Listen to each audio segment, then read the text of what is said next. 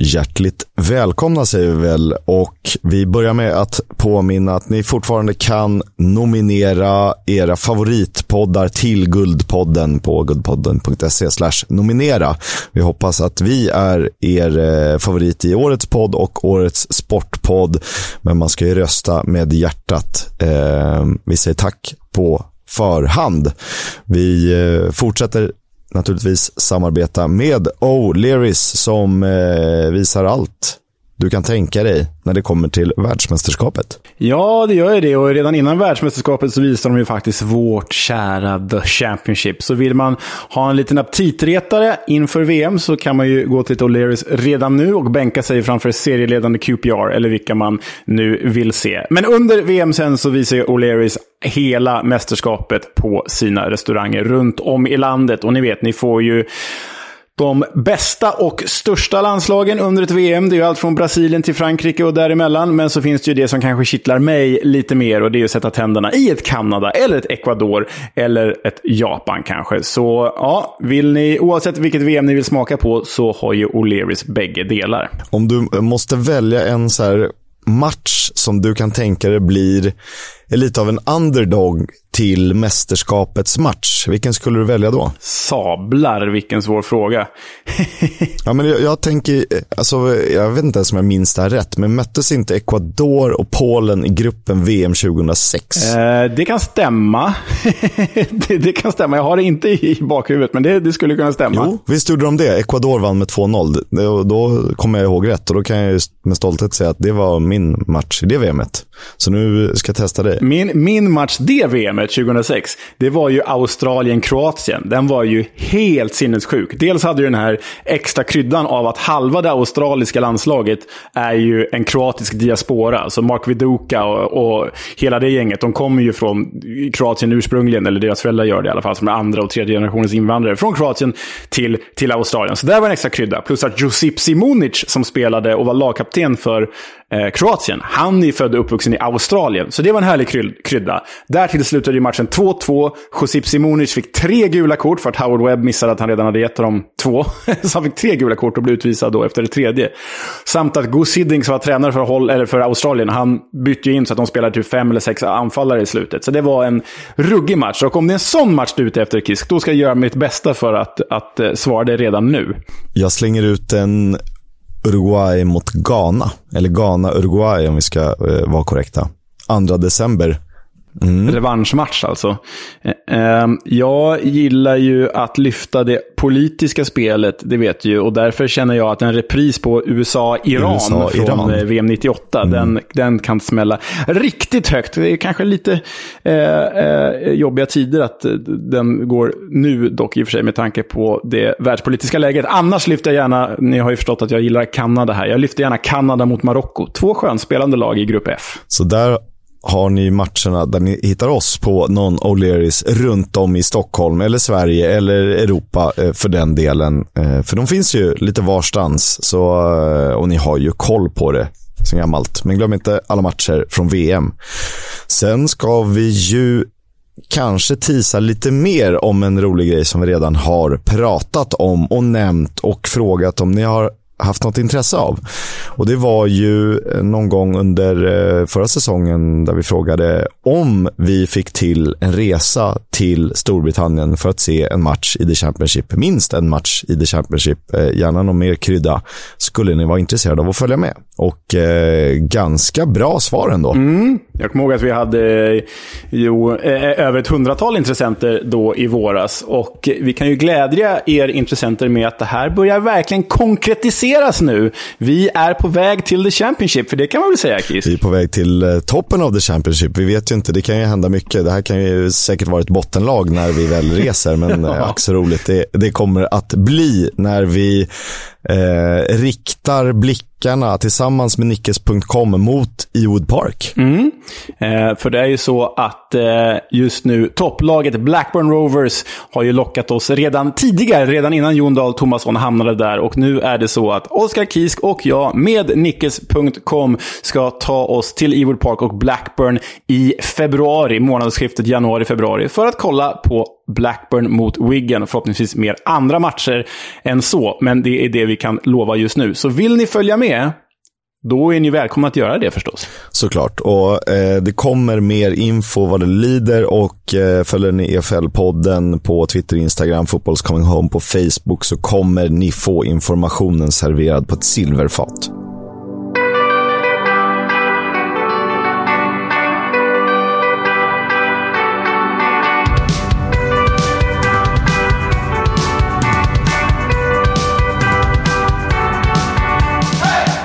Du lyssnar på Footballs Coming Home, en podcast som fokuserar på den riktiga engelska fotbollen. Vi har ju Championship högst upp i vår lilla pyramid och sen eh, försöker vi guida er genom League 1 och League 2 i mån av tid. Såklart, jag heter Oskar Kisk och med mig har jag i vanlig ordning Leonard Jägerskiöld Welander, såklart. Såklart.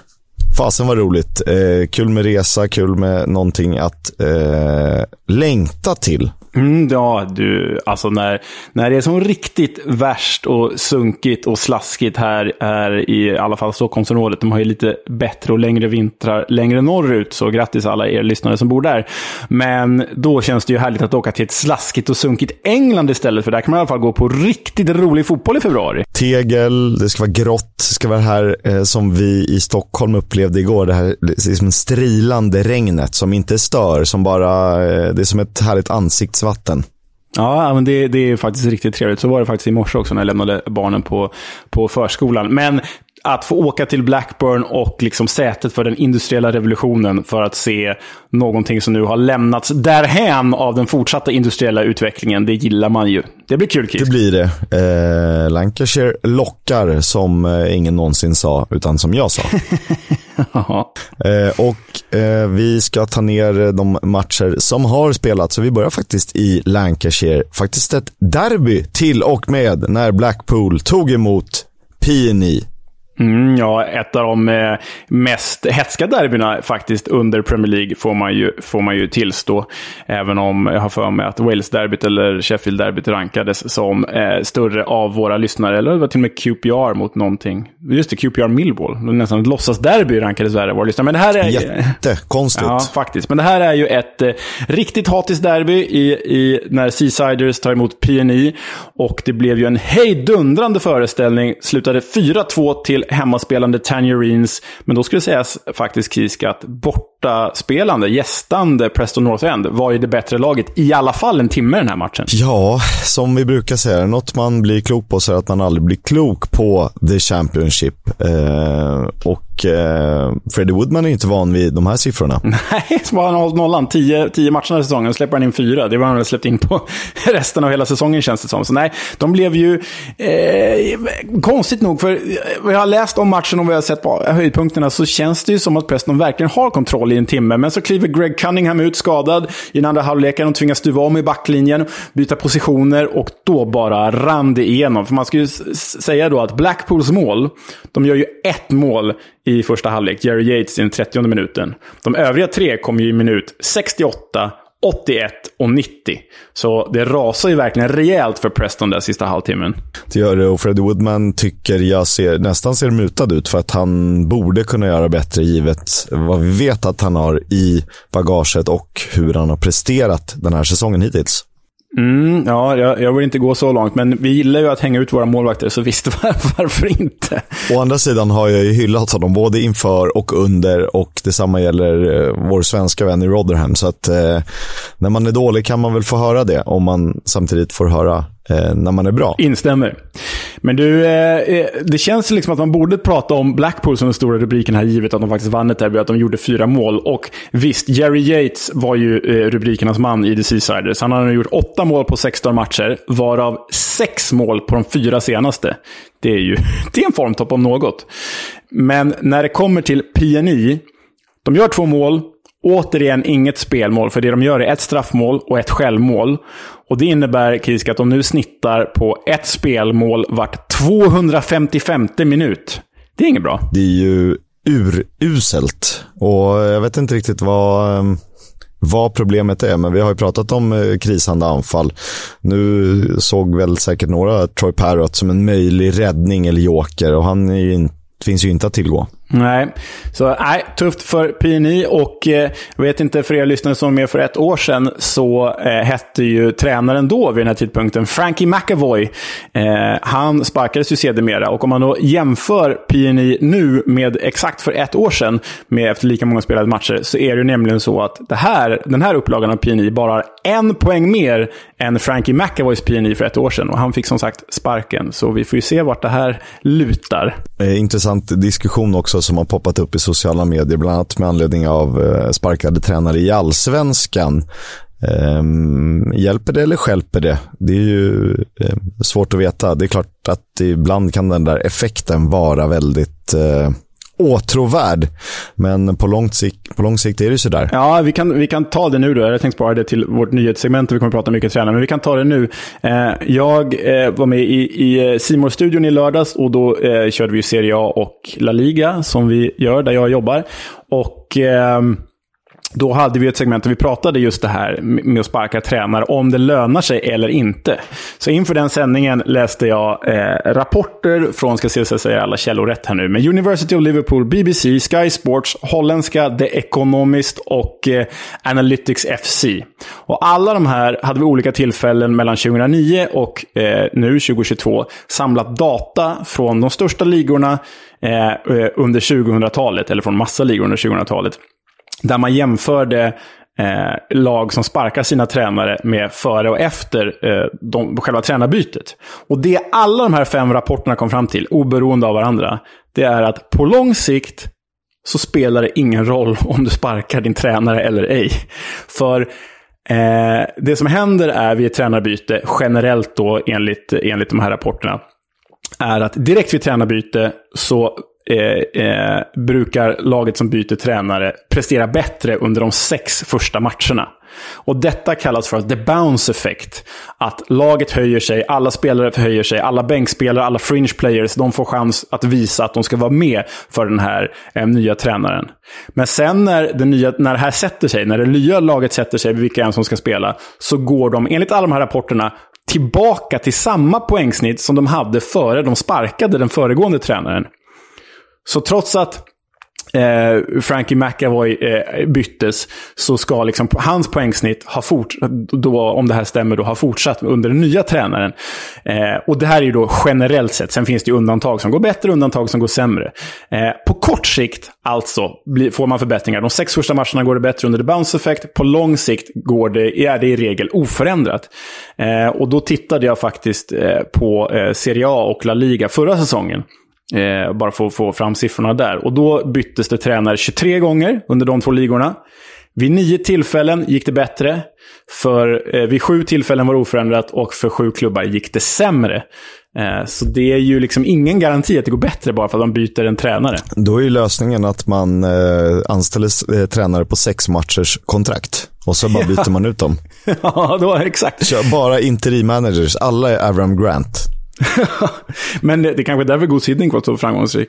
Eh, men det, det, man kan fråga sig då är varför byter man tränare? Och då kan det ju vara ibland att man är ute efter den korta effekten. Som Salernitana i Serie A i, i våras. De höll på att åka ut, de eh, tog in Davide Nicola med bara ett par matcher kvar. Han lyfte dem ovanför strecket för det var fortfarande den här bounce-effekten. Och det andra eh, anledningen till att man byter tränare enligt de här rapporterna, det är att man ska visa handlingskraft utåt. Visa för supportrarna och visa för media att vi har koll på den här situationen, vi vet att det går dåligt, vi byter tränare tränare. Men som sagt, på sikt kommer det fortsätta gå likadant om man inte gör stora förändringar under exempelvis ett övergångsfönster. För då eh, eh, kommer det in nya delar i ekvationen som inte har med tränarbytet att göra. Sen kan det ju finnas ett bra läge att göra ett tränarbyte, eh, om jag ska försöka fatta mig hyfsat kort här. Om eh, ett lag har gått dåligt en period och det är en tränare som ändå inte ses som en, liksom en fyra femårslösning, då kanske det är lika bra att ta tjuren vid hornen där och då och eh, försöka få till en effekt för att sedermera liksom ersätta honom med kanske första valet som finns där någonstans. Absolut. Och det är ju lite det här vi har varit inne på också när vi pratat om, om flera av våra kära klubbar som sparkar tränare utan att ha en reservplan. Alltså, det är verkligen ingen idé att byta tränare om ni inte vet vad ni ska satsa på därefter. Och vi har ju sett att många av våra klubbar i The Championship, de här en och en halv säsongen vi har kört nu, de sparkar tränare utan att ha ett alternativ redo, utan att ha ett säkrat alternativ. Och det är ju verkligen fel väg att gå. Du måste ju ha en tränare som du vill satsa på långsiktigt. Inte bara så här, åh nej, nu måste vi sparka någon. Nej, vi tar eh, Carlos Corberan. Åh ah, nej, han vill inte ta oss. Vad gör vi då? Då tar vi någon annan. Det är ju verkligen fel väg att gå. Eh, instämmer till fullo. Vi eh, fortsätter i Lancashire och vi ska prata om eh, vårt kära Blackburn som det ju kommer bli för en eftermiddag. Eh, de besegrade Birmingham med 2-1 och en härlig ung spelare och lillebror till matchvinnare. Ja, för Adam Wharton, lillebror till Scott Wharton, bägge egna produkter i Blackburn. Han blev matchvinnare, blott 18 år gammal, hans första A-lagsmål och han firade som om han vore Obafemi Martins eller Julius Agahova. Det var volter och flickflacks och allt möjligt. Det var kul att se en, en engelsman göra det. Det har jag nog aldrig sett förut, tror jag. Uh, väldigt, uh, han såg inte ut som en kille som är duktig, men han kanske har någon gymnastikbakgrund, vad vet jag. Verkligen. Eh, annars Kisk, jag vet inte om den riktiga matchvinnaren faktiskt var Blackburns keeper, Thomas Kaminski. Han eh, har vi ju hyllat förut i den här podden och eh, han gör ju dundermatch på dundermatch nu i Rovers. Och här var det nämligen så att Blackburn vann visserligen med 2-1, men skottstatistiken på mål Fem för Blackburn, 17 för Birmingham. Så Kaminski fick ju sträcka ut rejält x antal gånger. Ja, jag tycker att han har sett eh, helt galet bra ut senaste matcherna. Eh, nu kommer jag inte ihåg, var det mot Sunderland, om det var i 2-0-segern eller eh, matchen innan det när de, eh, när de besegrade Middlesbrough som han gjorde någon stor match. Eh, hur som helst så tycker jag att han har sett riktigt, riktigt bra ut. Ja, och nämns ju faktiskt som eventuellt eh, tredje alternativ, alltså tredje slips för Belgien i VM. Och det är ju inte helt orättmätigt, men då kanske han ska spela på en ännu högre nivå än vad han gör nu. Men det är väl dit Blackburn försöker ta sig. De eh, försöker under Jondal. Det här var ju tredje raka segern för Blackpool, Blackpool, Blackburn, som eh, innan det här, ja ni vet ju, varannan eh, seger, varannan förlust. För kryssar, det gör de inte i Championship. Tio vinster och sju förluster hittills är helt sanslöst. ja, helt sanslöst. Fem raka hemmasegrar dock på Ewood Park, men tittar man på XG och statistiken så imponerar ju inte spelet. Det är ju förvisso en styrka att vinna sina matcher, som Blackburn nu gör. Men tittar man på avslut per match, de hade alltså fem avslut i den här matchen. Och generellt sett i serien så är det bara två lag som snittar färre avslut per match. Och det är Huddersfield och Rotherham. Och det är ju inget eh, jättestarkt sällskap att, för Blackburn att, att eh, sälja sig i där. Och det innebär väl att på sikt kommer något börja dala för Rovers. Ja, eh, samtidigt kan man ju vara Borough eller West Brom som eh, ska leda någon eh, XG-liga helt överlägset, men fortfarande harvar på som eh, tomtar där nere i, i lägre regionerna av seriesystemet. Så är det. Birmingham kom till den här matchen eh, obesegrade i tre raka matcher. Det blev förlust alltså. Eh, Scott Hogan gjorde tröstmål sent om sidor. Eh, hans sjunde för säsongen och han borde nog gjort ytterligare ett eller två kanske. Definitivt, men eh, Kaminski var ju i vägen. Blackburn nu alltså delade serieledare med Queens Park Rangers. Eh, och om vi då hoppar ner till bottenträsket så var det ett riktigt eh, jumbomöte. Ja, inte riktigt, men bottenmöte i alla fall när Middlesbrough tog emot Huddersfield. Ja, och eh, här är rapporterna samstämmiga. Att det här var säsongens absolut sämsta match. 0-0 blev det, mållöst på Riverside när Middlesbrough, alltjämt utan ny tränare, tog emot eh, bottenlaget eh, Huddersfield. Och eh, ja, det var ju inte mycket chanser. Det var två skott på mål för Middlesbrough, fyra skott på mål för Huddersfield och eh, ja, det var ju så att man hann somna under den en och en halv minut långa highlighten när man, när man försökte kolla på den. Ja, men i en match där båda lagen absolut inte kunde vara nöjda med bara varsin poäng så eh, kändes det som de var nöjda med krysset, är min bild. Ja, ja men lite så. så här, vi förväntar oss kanske inte mer av Huddersfield. De är nu ändå rätt helt okej okay, nöjda med en poäng på Riverside. Men Borough förväntar vi oss verkligen mer av. Men det lossnar ju aldrig för dem. Och Middlesbrough som vi trodde skulle ligga betydligt högre i tabellen vid den här tiden på året. Även om det, liksom, det skiljer åtta poäng till Norwich som är strax eh, under playoff. Så det är inga jätte... Vi kommer ihåg Nottingham förra säsongen. Det går. Eh, men det känns ju mörkt. Och ett annat lag som det känns ännu mörkare för hur det nu är möjligt. Det är ju West Brom. Och visst, det är inte lätt att åka till The Den och möta ett super Formstarkt Millwall, men ändå. Men ändå, och man har ju på pappret, även om Millwalls trupp är fin och bra, så har ju West Brom på pappret en av de två, tre bästa trupperna i hela serien.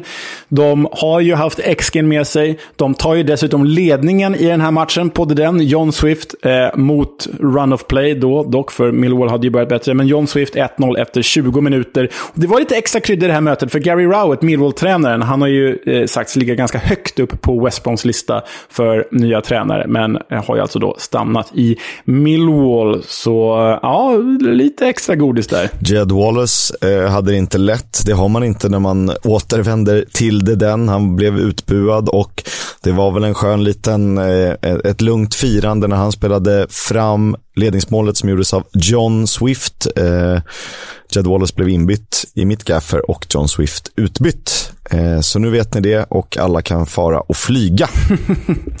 ja, men eh, eh lejonen på den vände ju det här. Först eh, The Budapest Badger och Calum Styles eh, fick ju kvittera i den 38 minuten innan Tyler Burry avgjorde i 90 plus. Och det innebär ju att det för dagen överlägsna Millwall, som de faktiskt var, eh, nu har fyra raka segrar. Och fem utan förlust. Och eh, är det så att vi har övervärderat West Broms trupp? Eller jag framförallt som trodde att de skulle vara ut med och utmana om liksom, topplaceringarna, de två. Nej, men jag vet inte om jag, jag, jag tycker det. Alltså, vi var ju tidigt inne på att de har ju undermåliga målvakter i David Button och, och den här andra killen som står nu som jag tappat namnet Alex Palmer. Tack. De har undermåliga målvakter. Men alltså, jag menar i, i försvaret. De har ju Dara O'Shea som inte riktigt varit samma spelare sen Sen han skadade sig i och för sig. Men ändå, Madara O'Shea, Kyle Bartley är ju inte jätte jättebäst, men det är ju ändå en spelare med Premier League-erfarenhet. Jag tycker inte att han är så här Watford, eh, Troste, Kong, Kabasele-dålig. Nej, det är han inte. Han är ju mer stabil än så. Nu blir han ju utvisad i den här matchen, ska det ju sägas också. Darnell Furlong, Connor Townsend. Det är inte några jättedåliga spelare. Det är ett namn som var med och nosade nästan på årets lag. Kanske i brist på, på reell konkurrens, men ändå förra säsongen. Jag menar, alltså, de har ju spelare att slänga in som heter Adam Reach, Jake Livermore, eh, eh, vad heter han, Alex Mowat. Alltså det här är ju spelare allihopa för botten av Premier League eller topp 8 i The Championship. Det här, den här truppen är inte dålig. Det den kanske är dock, som jag varit inne på tidigare, är att den är för ålderstigen och för mätt. Erik Peters, ja. ja för den delen Jake, Liver Jake Livermore också, som jag faktiskt älskar. Men det känns som att det finns en del ganska mätta spelare i det här gänget. Sen är det svårt uh, att få in Alex Mowat eftersom han är i Middlesbrough och spelar uh, väldigt uh, sällan där. Så är det. Utlånad från West Brom till Middlesbrough. Ja, han har ändå hoppat upp två placeringar även om han inte spelar. Exakt. Eh, och eh, uruselt av Bags igen, alltså näst sist är de när vi spelar in det här.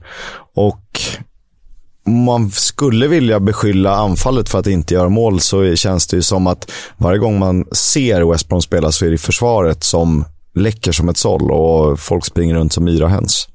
Ja, och dessutom en målvaktstavla skulle jag säga på Tallyburys avgörande 2-1 mål. Så äh, West Brom har det riktigt jobbigt just nu. Eh, vi får se vem som kommer in. Det snackas ju om Carlos Corberan för tillfället. Någon behöver styra upp det här skeppet. Men kul med ett Millwall i form. Vi vill gärna ha dem på playoff. Naturligtvis. Hatten av för Gary Rowett och hatten av för Millwall som eh, återigen gör en mycket, mycket fin insats. Queens Park Rangers eh, stormar mot Premier League. Eh, ny seger nu, 2-1 mot Wigan. Ja, och det var väl kanske inte en av Hoops bästa matcher den här säsongen, men Mick Beals QPR, de har ju liksom dels lyckats behålla samma fina höjder som QPR hade, som Mark Warburtons QPR hade förra året. När Chris Willock och Elias Cheir är, är bra, då är de kanske seriens två bästa och mest underhållande spelare. Men de är ju inte det alltid, framförallt Willock är ju skadad allt för ofta. Men förra året när de spelarna inte presterade, då torskade ju QPR, framförallt på våren. Nu under Mick Beal, så när de spelarna inte kliver fram, så trygg vinner de matcher ändå. Här gör de en skitmatch mot Wigan och vinner ändå med 2-1. Lite alla Juventus back in the day, så det är en jäkla styrka. Det är den första som har jämfört Juventus och QPR, men eh, alltså, ja. det jag gillar.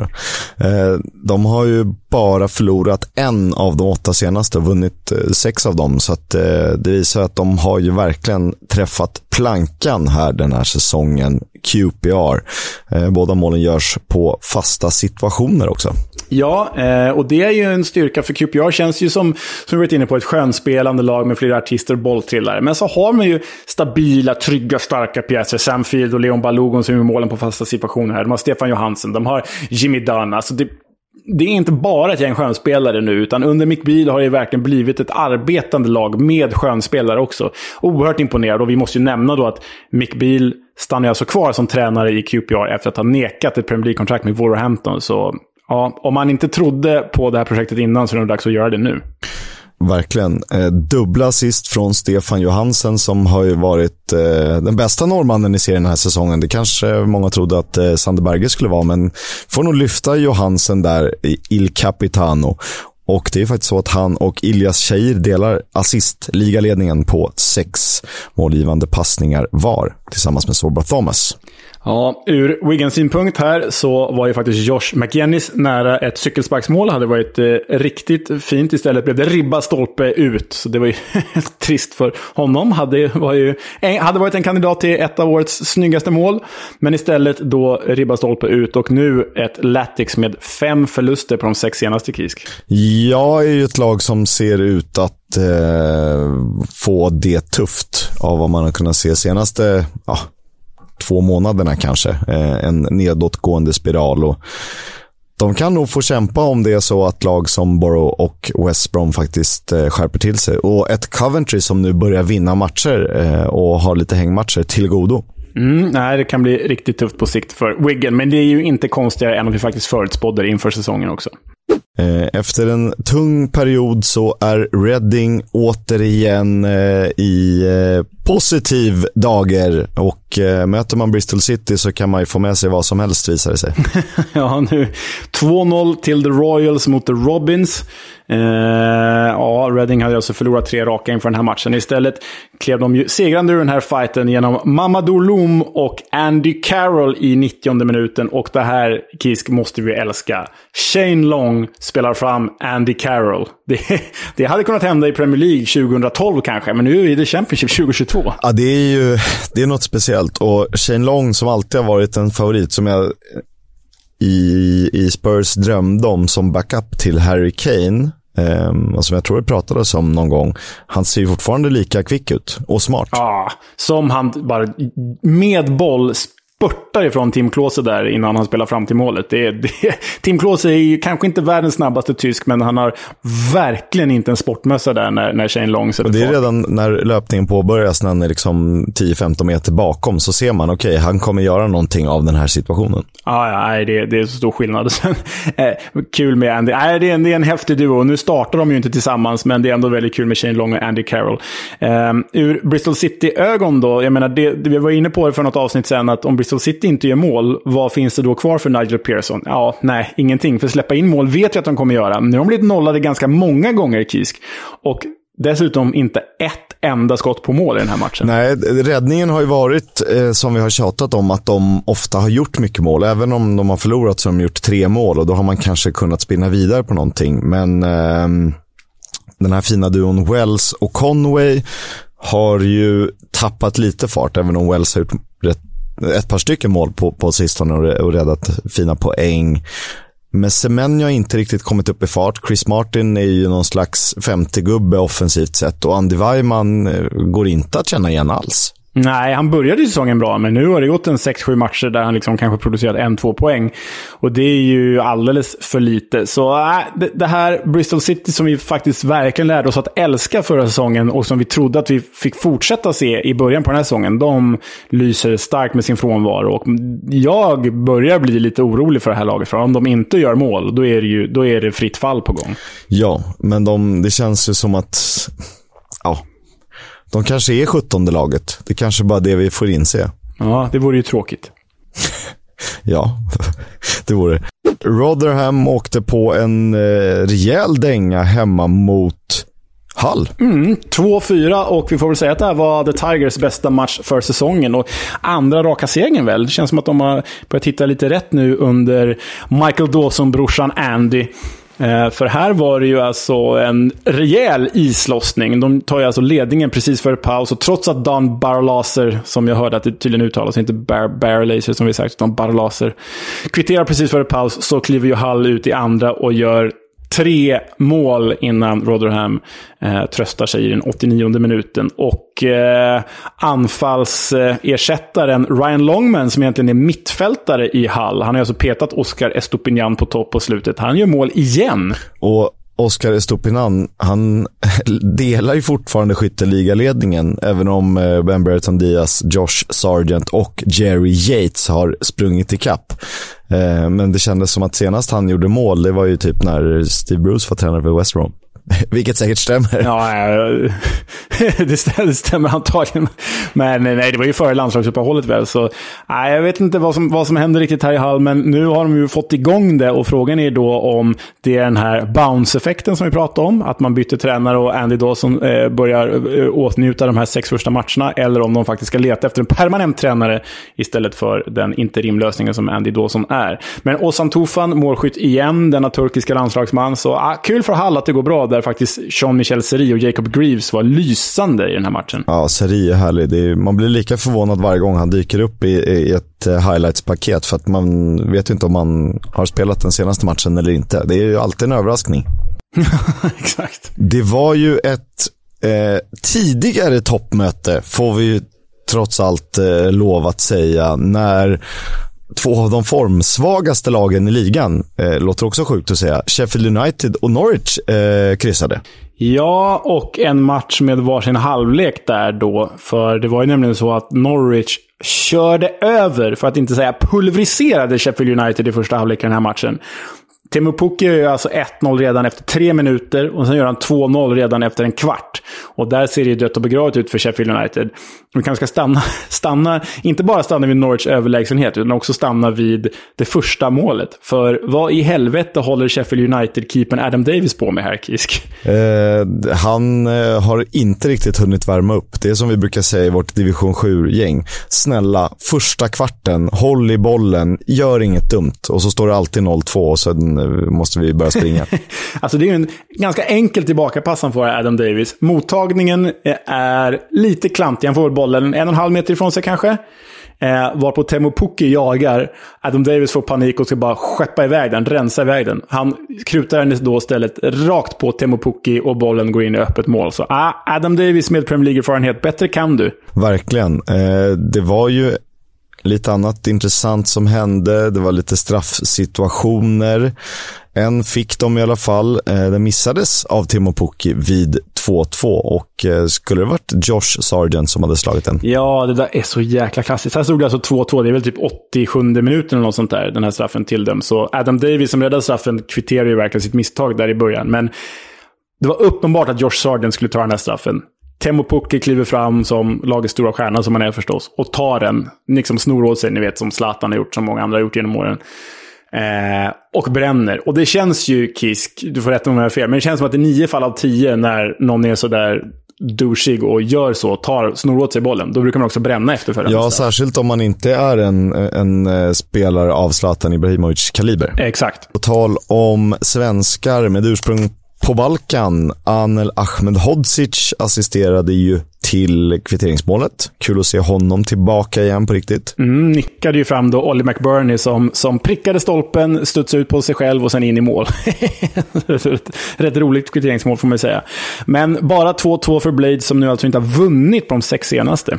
Och detsamma gäller väl typ även för Norwich också som eh, har en form att eh, kämpa emot. De har ju fem, fem matcher utan seger så att det här är ju två lag i behov av någonting, vad det, vad det nu är. Um, och det kanske börjar tisslas och tasslas lite om att Kanariefåglarna vill göra förändringar. Ja, får vi se vem det skulle vara. Det känns som att de behöver ett ganska stort och tryggt etablerat namn in här. Eller så är de sugen på en Rob Edwards kanske. Det vore ju kul. Stoke Coventry 0-2. Ja, du. Om det är någonting vi vet vid det här laget är att vi inte vet någonting om Stoke. När de är bra så tror man, när man tror att de ska vara bra så är de dåliga, när man tror att de ska vara dåliga så är de bra. Och det spelar ingen roll vem tränaren heter uppenbarligen, för den här jäkla förbannelsen på Britannia Stadium verkar förstöra för allt och alla i Stoke-on-Trent. Här var det ju en given etta, eller kanske möjligtvis ett kryss på en eventuell kupong. Men istället då 2-0 till Coventry. Ah, jag förstår ingenting. Jag är ganska säker på att jag spikade tvåan på, på min rad här. Bra. Och eh, det gjorde jag ju med all rätt. Eh, jag tycker ändå att jag måste säga att Coventry har någonting som lag. Eh, tittar du spelare för spelare så är det ju ganska anonymt. Eh, det är inte spelare som sticker ut, möjligtvis från någon liksom O'Hare eller Gyökeres eller ehm, eh, Matty Godden till exempel. Ben Wilson i mål eh, ska vi ändå lyfta på hatten för. Men i övrigt är det ganska lugnt. Liksom. Och Gustavo Hammer är ju mer upp och ner än Juninho Bacuna. och framförallt argare än Juninho Bacuna.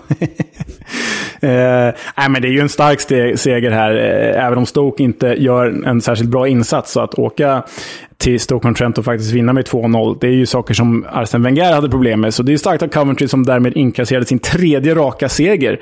Och då är alltså Gyökeres inte inblandad i målen heller. Så ja, fint av Coventry. Verkligen. Eh, Hammer med 1 plus 1.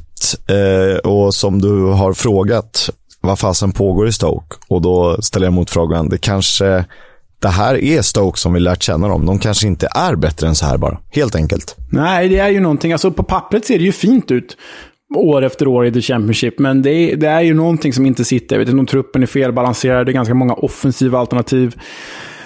Eh, backarna är liksom, älskar Phil Jagielka och Aiden Flint, men de är ju långsammare än vad du och jag är. du, jag är snabb. Jo, jo. På, på, på, på en division 7-nivå, ja. Ja, jag är nog snabbare på en högre nivå faktiskt. En Phil Jagielka i alla fall. Ja, det är jag definitivt. Men han är ju å andra sidan ja. 200 år gammal och grävde sig fram ur någon dinosaurie... ja. Nej, jag vet inte. Jag, jag, tycker det skulle kittla lite med ett bättre Stoke, men samtidigt är det också kul med ett lag som alltid underpresterar. Det kanske är Stoke som ska vara det gänget då. Det kanske är det. Eh, 2-0 Victoria för Coventry, också en nolla för Ben Wilson som eh, i och med det är etta i räddningsprocentligan. Eh, jag har någon, bevisligen någon förkärlek för den. Strax före Victor Johansson som är kvar som tvåa. Sunderland rivstartade mot Burnley och efter 20 minuter stod det 2-0. Ändå åker man eh, hem från Stadium of Light eh, till sina bostäder där uppe i norr med en förlust. Ja, och det är ju... Alltså, hade någon sagt på förhand att Burnley skulle borta slå Sunderland, då hade väl ingen tyckt något särskilt om det. Men att leda med 2-0 i paus efter att faktiskt ha spelat ut Burnley dessutom, för det gjorde de. Sunderland var bra mycket bättre än Burnley i första halvlek. Och sen tappa till 2-4. Det är inte okej. Okay. Det är inte bra gjort. Sunderland.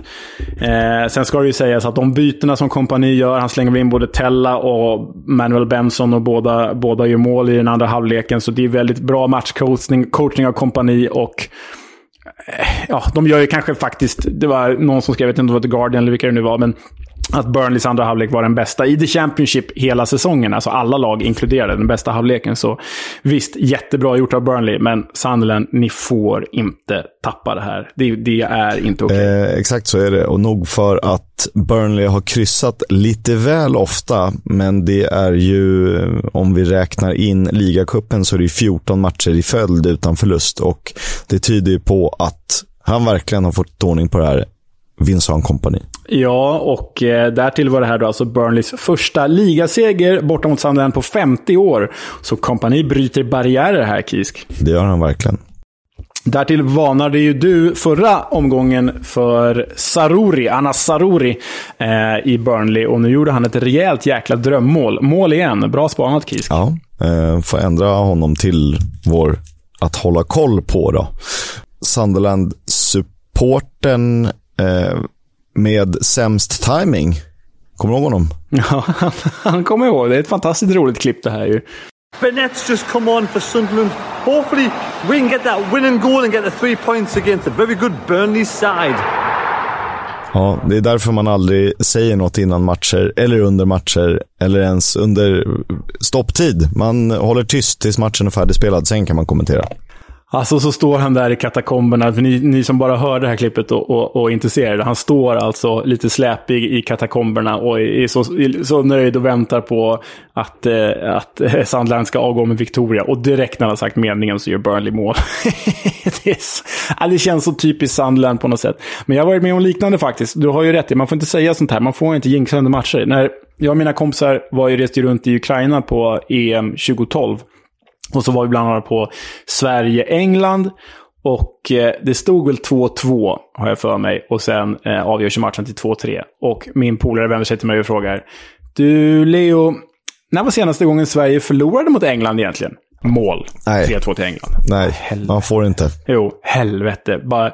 Viktor, du förstår väl att det här är enbart ditt fel att Sverige förlorade den här matchen? Det var som att spelarna hörde det. Oh.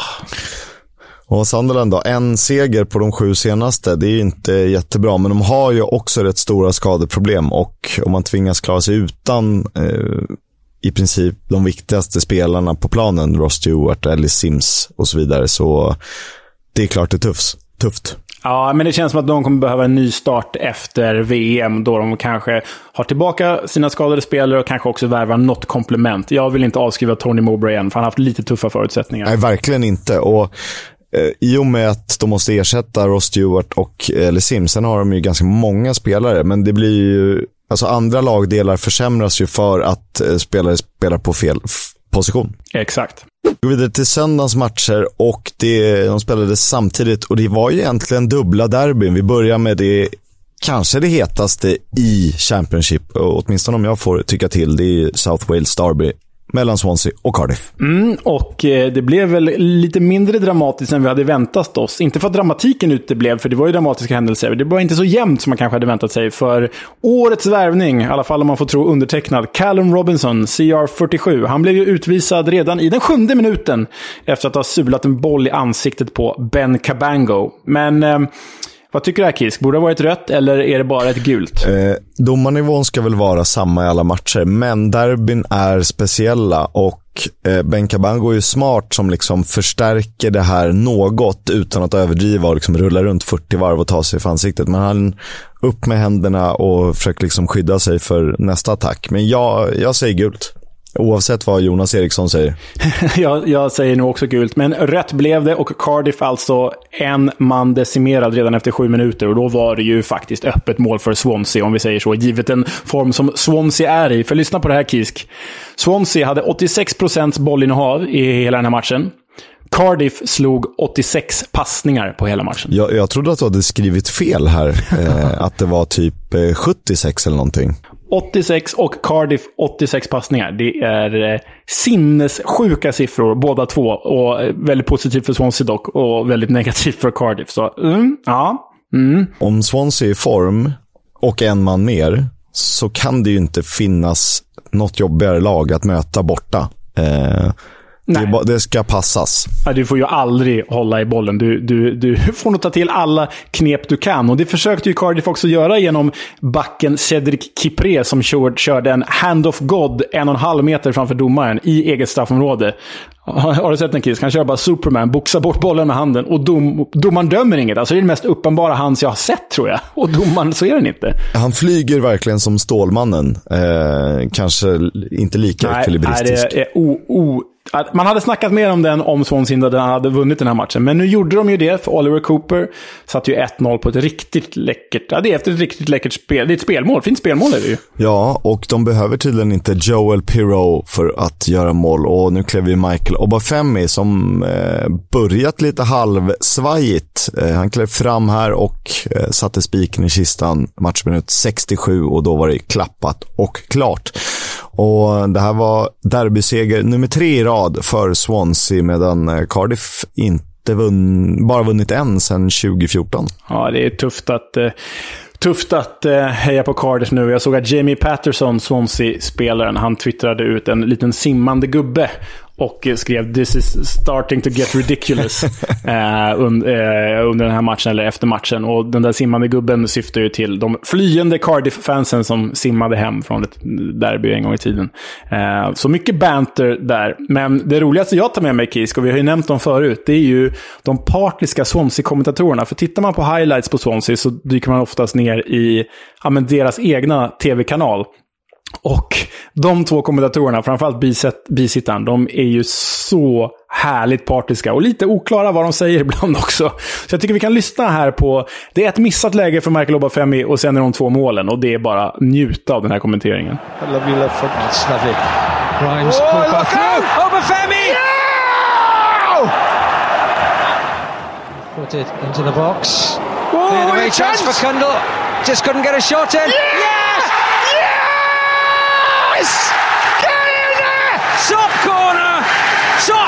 Top! Ollie Cooper!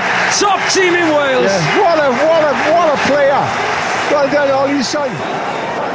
Sat down and then they lean into it. Oh, here we go! Michael Oberfemi! This is it! Yes!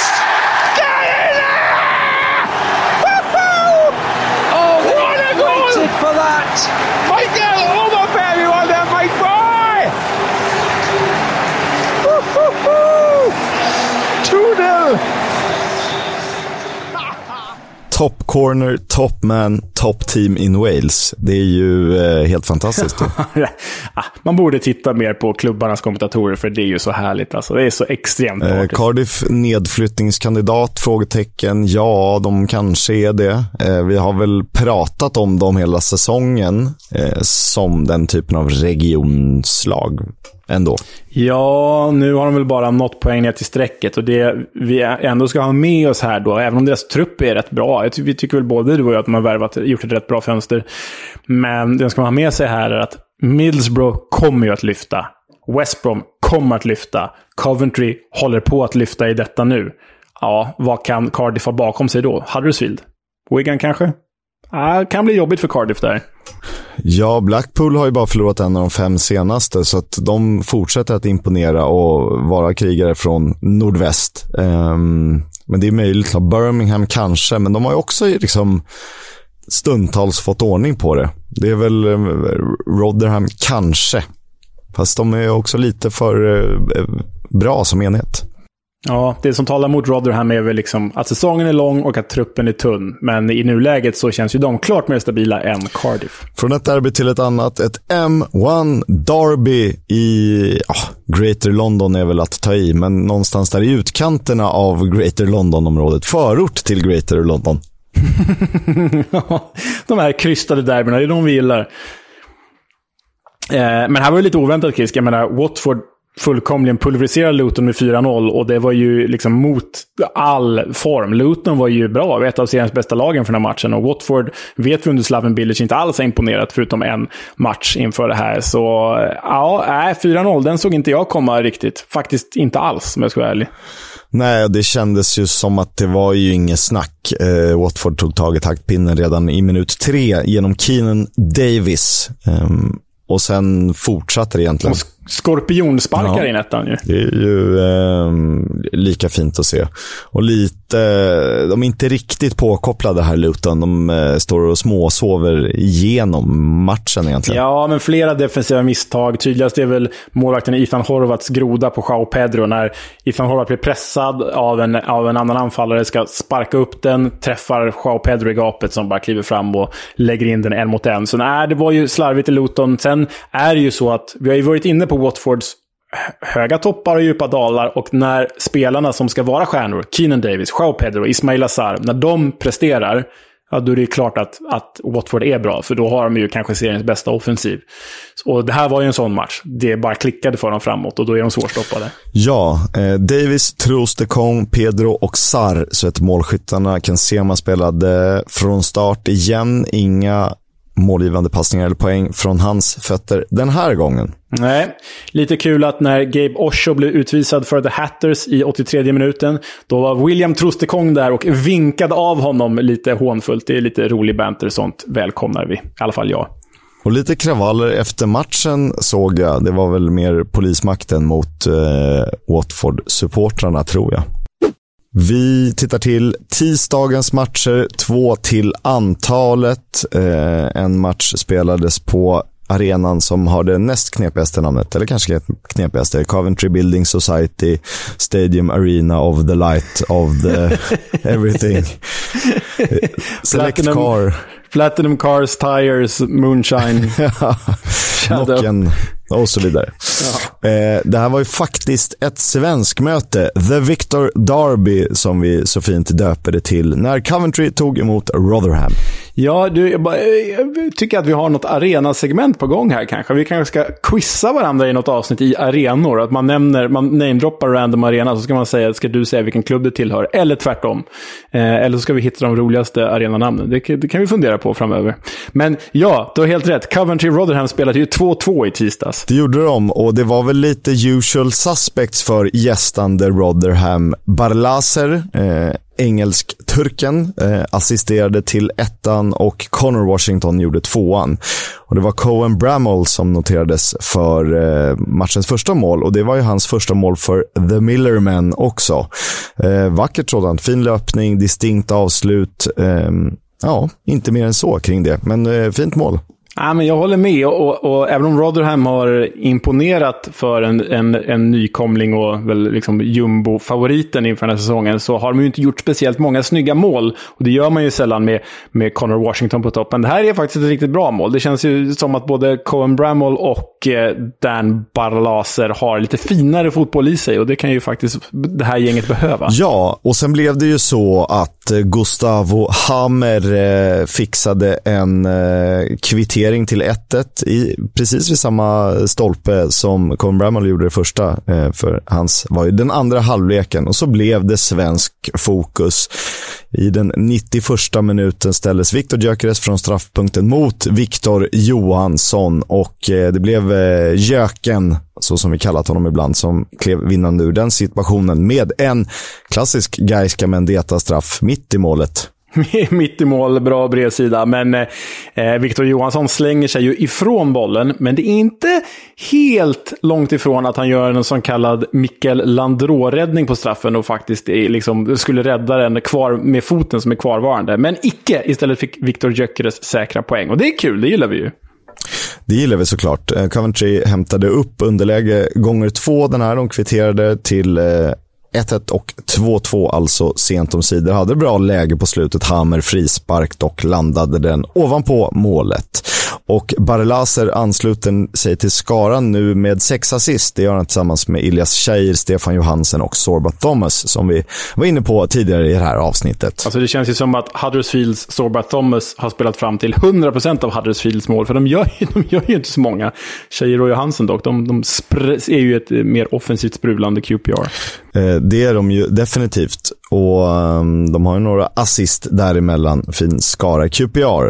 Det spelades en till match. Den var tv-sänd eh, i England, så som i Sverige. Eh, på riktig tv alltså. Eh, så jag satt och kollade Burnley-Norwich, förmodat toppmöte. Mm, eh, det gjorde jag också. Jag körde i och för sig två skärmar, för eh, jag hade Champions League på. Såg Benfica, Mosa, även om det blev jämna siffror till slut. Mosa Juventus, samtidigt som jag slog Burnley gå eh, vinnande ur den här fighten. Eh, tack vare J. Rodriguez. Jag vet inte vad det säger, Kisk, men eh, jag tycker nog att eh, om något lag skulle vinna så, så borde det varit Burnley. Men jag tycker nog att 0-0 ändå hade varit hyfsat rättvist här. Eh, det tycker jag också. Eh, för det var inte så effektivt bollinnehav. Det skapades inte sig jättemånga dunderfarliga chanser. Jag eh, hakar ju upp mig på Anas Saruri som jag eh, pratade mig varm om för ett par veckor sedan. Som vi pratade om i förra avsnittet. Och han har ju verkligen någonting. Han har eh, otroligt fina fötter. Sen tycker jag att han är lite väl sugen på att trampa på bollen och diktera tempot helt, vilket ofta gör att tempot dras ner. Men eh, om han får rätt styrning så kan det nog bli väldigt, väldigt mycket fotbollsspelare över honom. Ja, det tror jag också. Och tar man liksom hela den nu har ju Jerry Rodriguez i och för sig gjort åtta mål och kommit upp i, i, i topp men det känns ändå som att det faktiskt saknas någonting där i det här Burnley-bygget. Men tar man gubbarna precis bakom Jerry Rodriguez, som du är inne på, Anna Saruri, Josh Brownhill, Nathan Tella, alltså den offensiven, den är inte bara väloljad, välsmord och, och, och poänggivande. Den är ju också riktigt underhållande att kolla på. Ja, den har vi nästan underskattat lite. för och Då finns ju att tillgå dessutom en spelare som Vitinho till exempel, eh, Benson Manuel, eller Manuel Benson om man så vill, och min joker inför eh, senaste Europamästerskapet, Halil Dervijoglu, som eh, brukar få komma in och röra runt i grytan. Bra inhopp nu i, i, i den här matchen också. Det är ju han som faktiskt ligger bakom straffen, Halil Dervijoglu. Har han gjort A-landskamp för Turkiet än, eller ungdomslandskamper? Jag har inte riktigt koll på det, men det var ju ett präktigt inhopp han gjorde igår. Han faktiskt. var ju uttagen till eh, den turkiska truppen i, eh, inför EM. Kommer inte ihåg om han spelade, gjorde han det? Ja, oklart. Nej, jag tror... Ja, nåväl. Det, det är en härlig påläggskalv på bänken. Det kan man ju Ja, det säga. känns lite som vi har underskattat deras eh, offensiv, kanske ändå. Eh, sen tycker jag i Norwich att Marcelinho Nunez inte riktigt ser ut som samma spelare som imponerade i början av säsongen. Nej, eh, jag håller med. Och det har ju gått ut lite över honom i min känsla att ju mer Gabriel Sara har spelats in i laget, desto mer har Marcelinho Nunez, eller desto sämre har Marcelinho Nunez presterat. Det är lite som att de, de tog nycklarna från Marcelinho Nunez och gav dem till Gabriel Sara. För, för när, när bägge killarna är inne på plan, som de var delvis igår, då, då eh, är det ju oftast Gabriel Sara numera som, som dirigerar spelet och håller i bollen och sådär. Och det var ju det som Marcelinho Nunez gjorde så bra tidigare under säsongen. Jag, ty jag tycker han hamnar väldigt långt ner i planen och då nyttjas inte hans fina spetsegenskaper liksom framåt i banan. När han ja, dels kan liksom, eh, ta tag i bollen och ta med den, eh, men också eh, blicka ut och, och, hitta bästa passning. Eh, så där, det är lite synd om chilenaren. Ja, det är ju det. Och, och jag vet inte riktigt om...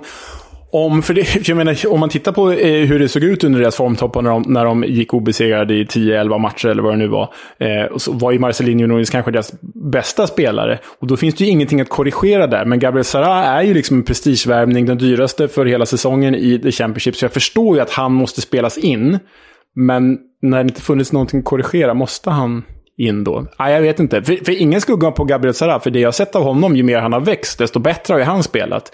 Så Ja, men det är lite att Norwich formsvacka faktiskt sammanfaller med att Gabriel Sara har tagit mer och mer utrymme. Ja, jag stod precis och tänkte på det, för det är ju typ senaste sex matcherna de har gått ganska svagt. Och Det är då han har börjat spelas in på allvar. Sen är det ju ingen skugga över honom i övrigt, en fin fotbollsspelare. Men eh, varför, eh, if it ain't broken, don't fix it, och så vidare. Ja, ja men exakt. Så, äh, det, det, känns som att de har, de har lite problem där. De vill spela både Kim och Anders, fast Linderoth måste vara med. Ja. Det, det, det är där de har hamnat just nu. Exakt. Den här eviga, vem ska spela Gerard eller Lampard? För de funkar inte ihop på något sätt. Exakt. Åter till matchen då. Det blev ett mål efter att Grant Handsley eh, ja, viftat till och fått bollen upp mot armen, armbågen där. Och J-Rod Riges var bombsäker från straffpunkten, vilket betydde att nu Burnley spelade sin 14 raka ligamatch utan förlust. Och de är alltjämt obesegrade på Turf Moor i Championship den här säsongen. Ja, och jag måste bara ta på mig skämsmössan och säga. Jag hade ju inför säsongen i vårt eh, tabelltips så hade jag ju Burnley som den stora floppen av favoriterna. Eh, jag hade väl typ Watford som fyra tror jag. Jag hade väl Norwich som etta och Sheffield United tvåa. Och jag hade Burnley som sjua, åtta någonstans där. Du hade dem, jag tror att du hade dem som sjua och jag hade dem som sexa. Ja, men precis.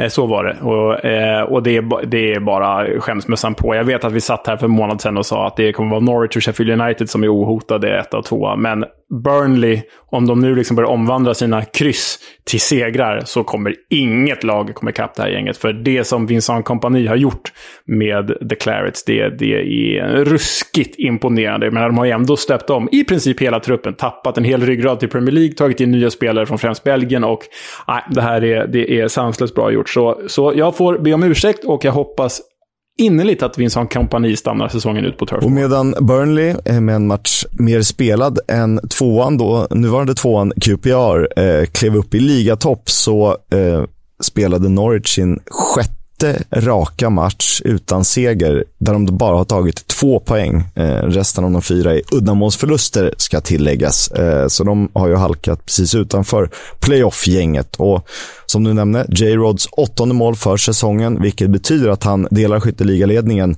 med Jerry Yates, Ben Brereton Diaz, Oscar Stupinian och Josh Sargent. Och det måste sägas, det är en galet jämn skytteliga. Ja, är det. Jag menar, 14 spelare har gjort sex mål eller fler. Åtta spelare har gjort sju mål eller fler. Och fem har gjort åtta och så vidare.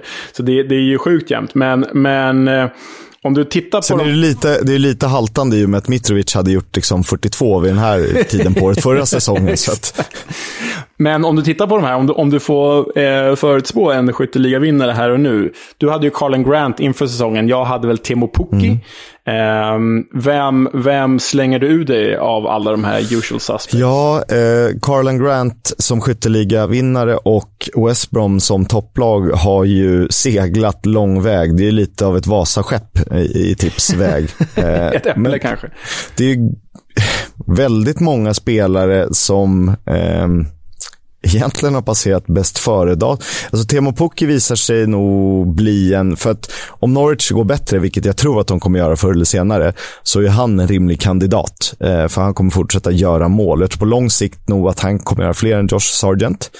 Eh, Jay Rodriguez är ingen dum Inget dumt tips. Ben Brereton om Blackburn liksom håller i. Eh, jag tror Jerry Yates är en tillfällighet att han är där. Han har gjort tre tvåmålsmatcher nyligen. Chris Willock är lite för lite kanske striker och för mycket skadad. Så är det ju. Eh, så Tim Puck är inte helt dumt. Sen om vi nämner övriga där uppe i toppen, Hogan, Carlton Morris, Snarky Wells. Jag, vet inte, jag kan inte riktigt se dem framför mig. Ja, ben Brereton, Jay Rodriguez, eh, Timo Pukki kanske. Ja, det är väl de tre jag landar på också. Och man ska komma ihåg då Ben Brereton, han gjorde väl 21 mål förra säsongen tror jag. Och med det var han väl fyra i skytteligan.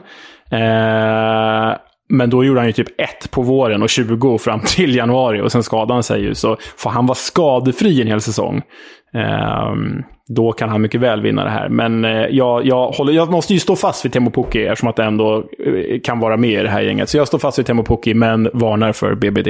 Jag varnar för Colin Grant. ja, Burnley QPR, direktplatserna. Blackburn, Swansea, Sheffield United och Millwall på playoff. Kul kvartett där, Norwich Reading precis utanför. Och det är just ett bottenlag som heter Huddersfield och de ackompanjeras av West Bromwich Albion och Coventry. Coventry dock med två matcher mindre spelade än laget ovanför strecket Middlesbrough. Eh, de är på samma poäng, så att eh, någonting lär väl hända där. Och då har vi alltså fjolårs playoff, eller vi har fjolårs trean, Huddersfield som jumbo. West Brom som jag trodde skulle bli topplag och Middlesbrough som vi trodde skulle kunna bli topplag. Eh, alla tre på nedflyttning. Det är ju hiskeligt. Ja, det är faktiskt hiskeligt. Och det kommer ju ske förändringar där, för vi vet ju att Coventry nu har ju fyra raka utan förlust, varav de har vunnit tre. Så ja, Coventry rör på sig. Och det är ju så här, eh, från plats 22 i tabellen upp till plats sju så skiljer det bara åtta poäng. Så att eh, ge det tre omgångar och vi vet att lag kan förlora och vinna tre i rad utan problem i Championship, då är det ju ombytta roller. Exakt. Reading ner på nedflyttningar plötsligt. Exakt, så ska det vara. Det börjar tisslas och tasslas lite om att Norwich skulle ha tröttnat på Dean Smith. Och Det har nämnts lite olika alternativ där, men eh, eh, Chris Sutton sa i alla fall att de ska sitta ner i båten och att han är en bra tränare, så håll ut. Ja, men jag vet inte. Alltså, det var ju framför allt det som Dean Smith råkade ut för i Premier League med Norwich, det var ju svagt. Absolut. Men sen är det ju Dean Smith som byggde det moderna Brentford. Det får man ju inte glömma bort. Att det moderna Brentford är ju Dean Smiths tränargärning. Och sen Aston Villa, hans hjärteklubb, tog han ju upp till Premier League. Det skulle han ju också göra. Jag vet inte, jag tycker det är för tidigt att döma ut Dean Smith, men framförallt känner jag så här, vem ska ni ta annars? Jag menar, Norwich är ju ofta i sina tränarval en ganska eh, progressiv klubb. De vågar eh, sticka ut, de vågar göra annorlunda. Jag tänker på han hårfagre tysken, vad hette han som de hade som spelade så trevlig fotboll? Eh, var det Daniel Farke? Ja, precis. Jag menar, de vågade göra den typ, har vågat göra den typen av tränarutnämningar. Och det skulle ju kunna tala för att de skulle gett en, en, en, en tränare som Carlos Corberan utrymme. Men nu han... Hade nog inte varit helt uh, dumt. Nej, det tror inte jag heller med det manskap som de har. Men nu, vilket vi kommer till, är ju han upptagen av eh, en annan klubb. Och då känns det så här, Scott Parker, ja, vi gillar ju Scott Parker, även om han är inte är så populär bland, bland många supportrar som har haft honom. Men, men vi gillar Scott Parker, han har gjort bra resultat i Championship för. Men är han en Norwich-tränare? Ja, sådär va? Ja. Så jag menar, Norwich är ju en Carlos Corberan, Daniel Farke, Vincent Kompani-station egentligen. Men just nu ser inte jag någon sån ledig tränare. Nej, det finns säkert. Eh, men jag ser inte riktigt det heller faktiskt. Jag tror att det handlar om att rida ut det här och sen se den här säsongen i olika etapper. En fram till VM och sen en efter VM och sen har vi slutspurten på något sätt.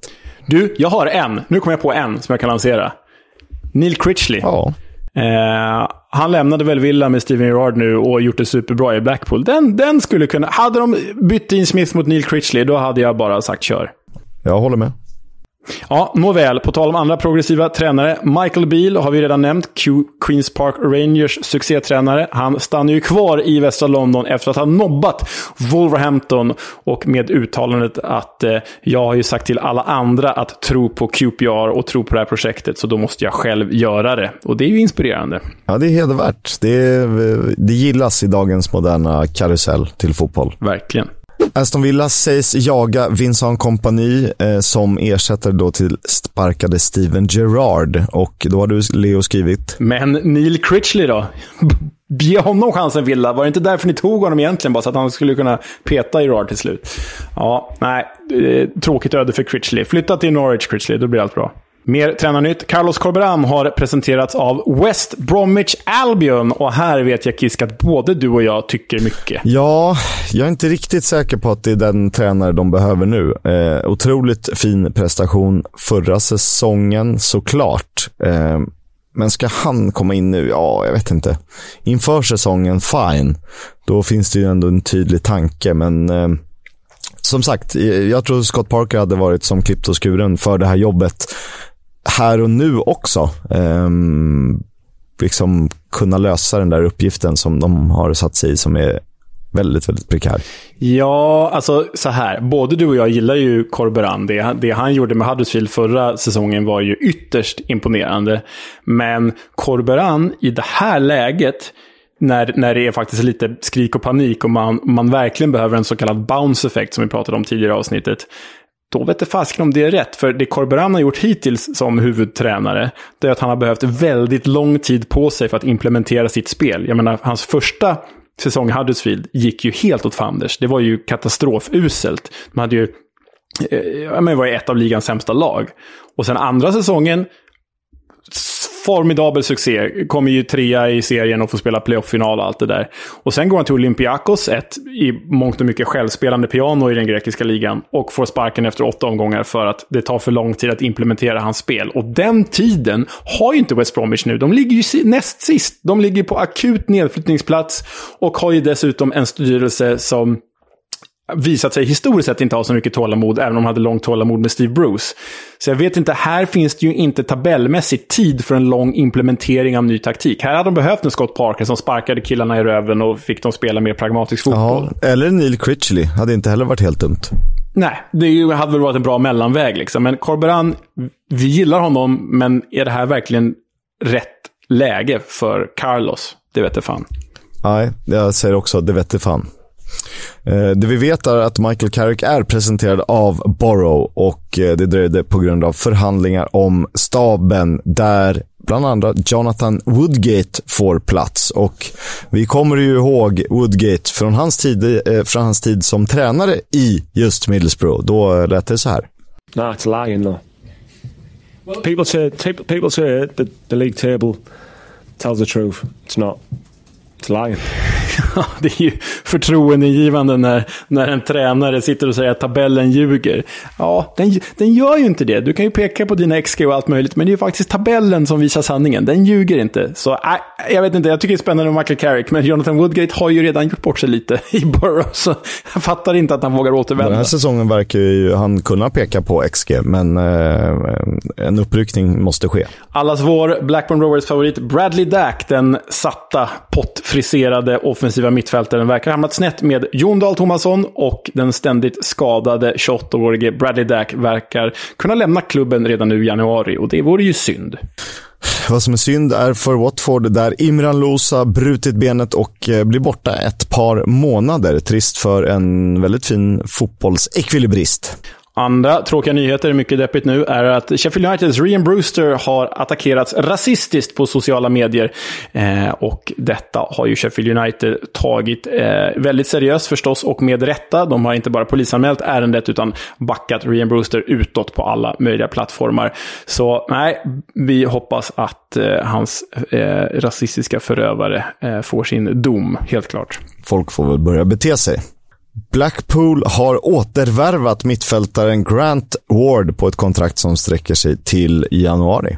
Sen har vi då den roligaste nyheten kanske av alla eh, just denna dag. Det är att Cameron Jerome, Luton-anfallaren med ohygglig Premier League-rutin från Stoke och Birmingham och allt vad det nu är. Han ska landslagsdebutera 36 år gammal för lilla Grenada. Ja, det eh, vi gläds med Cameron Jerome såklart. Eh, Michael Hector tidigare Fulham bland annat tränar med Luton. Det kan väl vara en ganska smart Nathan Jones-värvning? Ja, men verkligen. Och Hector var ju en av alla de här Chelsea-gubbarna som lånades ut i tio år, eh, som skulle bli superbra, som kanske inte blev så bra som man trodde. Men han köptes ju för stora pengar till Fulham av Scott Parker väl? Det var väl närmare 100 miljoner. Där han inte alls var speciellt bra, men han har ju fotboll i sig, så det kan vara en, en eh, eh ersättare till Cal Naismith här på sikt kanske. Wiggans ägare, som ju är från Bahrain, har för tredje gången varit sen med utbetalning av spelarnas löner. Orsak, problem med utländska banker inom citationstecken. Detta innebär att det finns många i Wiggans trupp som funderar på sin framtid. Och vi vet ju att denna typ av problematik kan leda till bestraffningar, minuspoäng och liknande. Så vi hoppas att det löser sig för lilla Latix. Och eh, de har ju varit under konkurshot ganska nyligen, så det här är väl eh, inte så positiva nyheter, även om det säkert löser sig på sikt, får vi hoppas.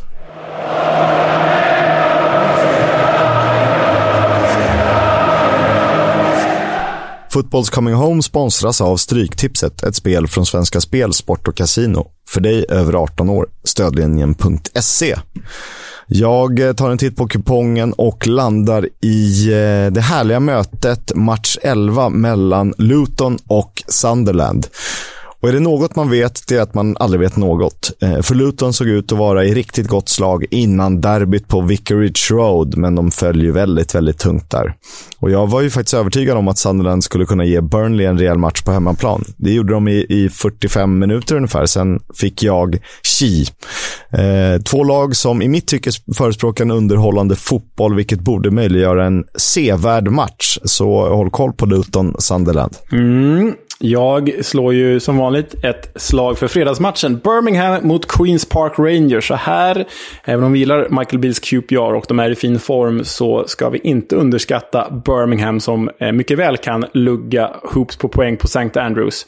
Annars eh, ser jag väldigt mycket fram emot eh, Ja, det är väl inte det riktiga Severnside derbyt, men det är ju en, nästan en variant av det i alla fall, när fåglarna möts från varsin sida gränsen om eh, Wales-England. Bristol City mot Swansea, det är den tidiga lördagsmatchen och den kan ju bli oerhört underhållande om Bristol City kan komma upp i någorlunda kapacitet i alla fall. Swansea är ju svinbra, eh, som vi vet just nu. I övrigt Kisk, då gäller det väl att hålla koll på alla nya tränare hit och dit. West Brom med Corberan och, och Middlesbrough med Carrick och sådär. Och det kan väl dyka upp ett par nya tränare innan vi spelar in nästa gång också. Men på tal om eh, Swansea Bristol City så vet vi att det är Lee Trundle-derbyt, för guds skull. Ja, Lee Trundle-derbyt. Den gode Lee. Drömgäst. Och i och med det, Kisk, så har det blivit dags för det segment som vi gillar kanske allra bäst. Du ska ju berätta om The Trotters, om Bolton Wanderers. I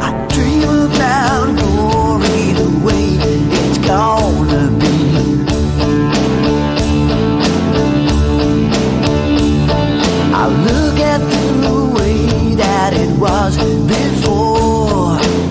Yeah.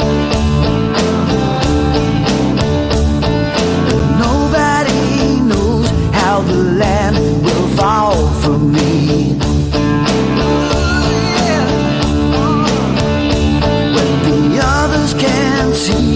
what we're heading for, but not me.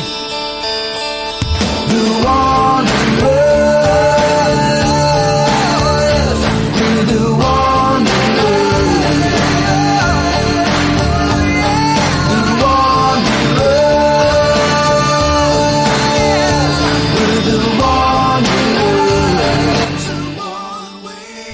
We're the Wanderers. Ja, sedan 1877 i alla fall. Eh, även om klubben grundades redan 1874, då som Christ Church FC av prästen Joseph Farrell White och magister Thomas Ogden.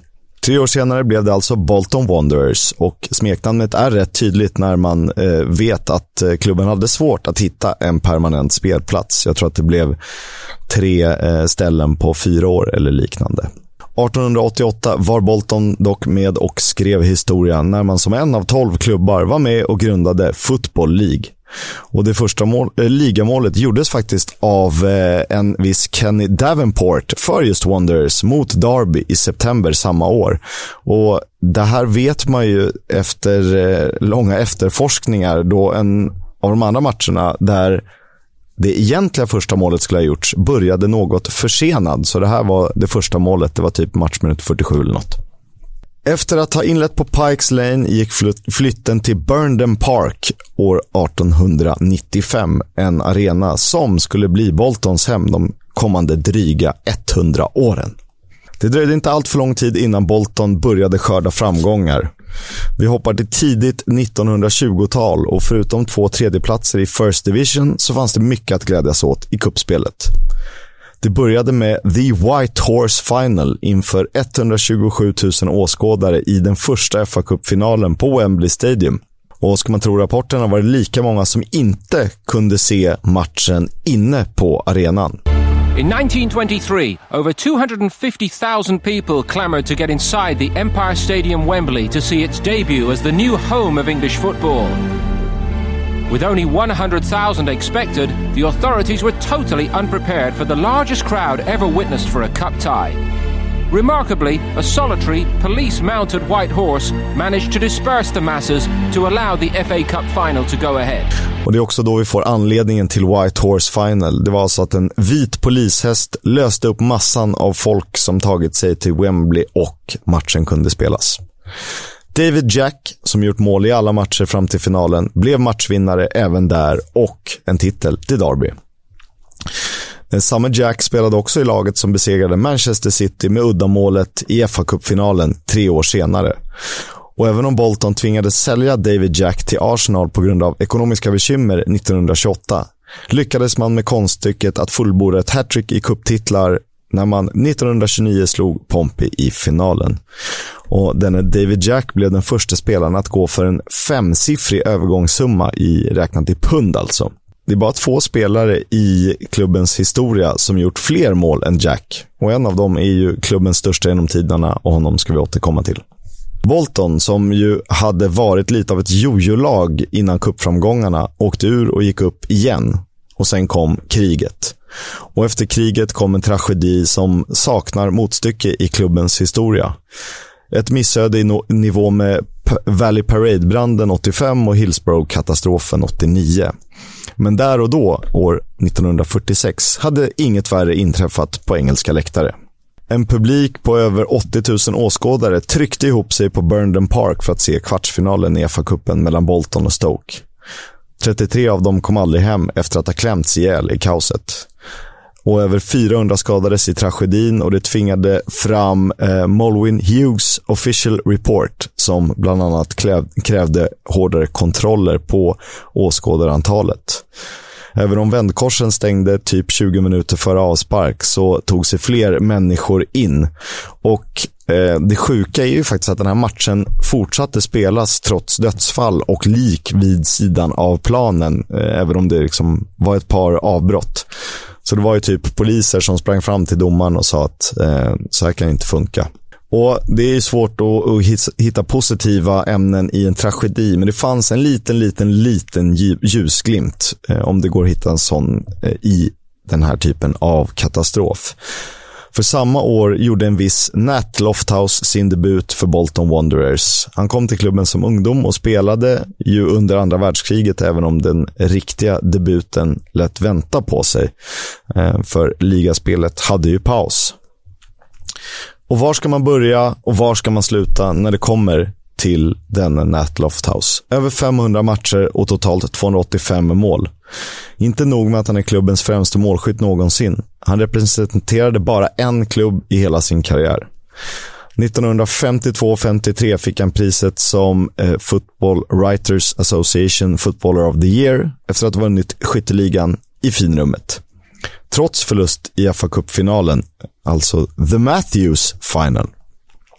Året innan hade han dessutom fått smeknamnet The Lion of Vienna efter att ha krigat in ett mål borta mot Österrike, armbågad i ansiktet, tacklad bakifrån och sänkt av målvakten. Lofthouse gick ur tiden 2011 i sviten av Demens och 2013 restes en staty till hans minne utanför det som då var Reebok Stadium, numera University of Bolton Stadium. Hur gick det för Bolton då? Förutom förlusten mot Blackpool 1953, som också anses vara en av de kanske bästa fa Cup-finalerna någonsin. 4-3 till Seasiders där eh, Stanley Matthews, Sir Stanley Matthews, dominerade. Men där Lofthouse också fick glänsa genom att göra mål i finalen och i samtliga rundor i turneringen. Det skulle dock bli en titel för Lofthouse med hans Bolton. FA-cupen 1958 där Manchester United, som några månader tidigare hade förlorat flera spelare i flygolyckan i München. Och finalen var inte utan kontroverser, men det var Nat Lofthouse som fick huvudrollen. Han petade in 1-0 tidigt i matchen och utökade i början av andra halvlek, även om det nog aldrig hade stått med VAR eller liknande. En rejäl knuff på United-målvakten Harry Gregg.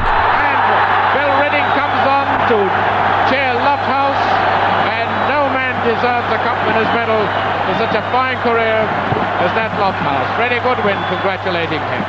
And Manchester United sportingly applauding the winners as Nat Lofthouse comes up to receive the Football Association Challenge Cup. The scorer of both the goals, there's Jimmy Murphy congratulating him. Bolton spelade First Division mellan 1935 och 64 och därefter följde tuffare tider. Ner i andra divisionen 64, ner i trean 71. Förvisso gick man ju upp i finrummet igen innan en ny sväng söderut i seriesystemet följde. Och säsongen 87-88, då spelade man i fourth division.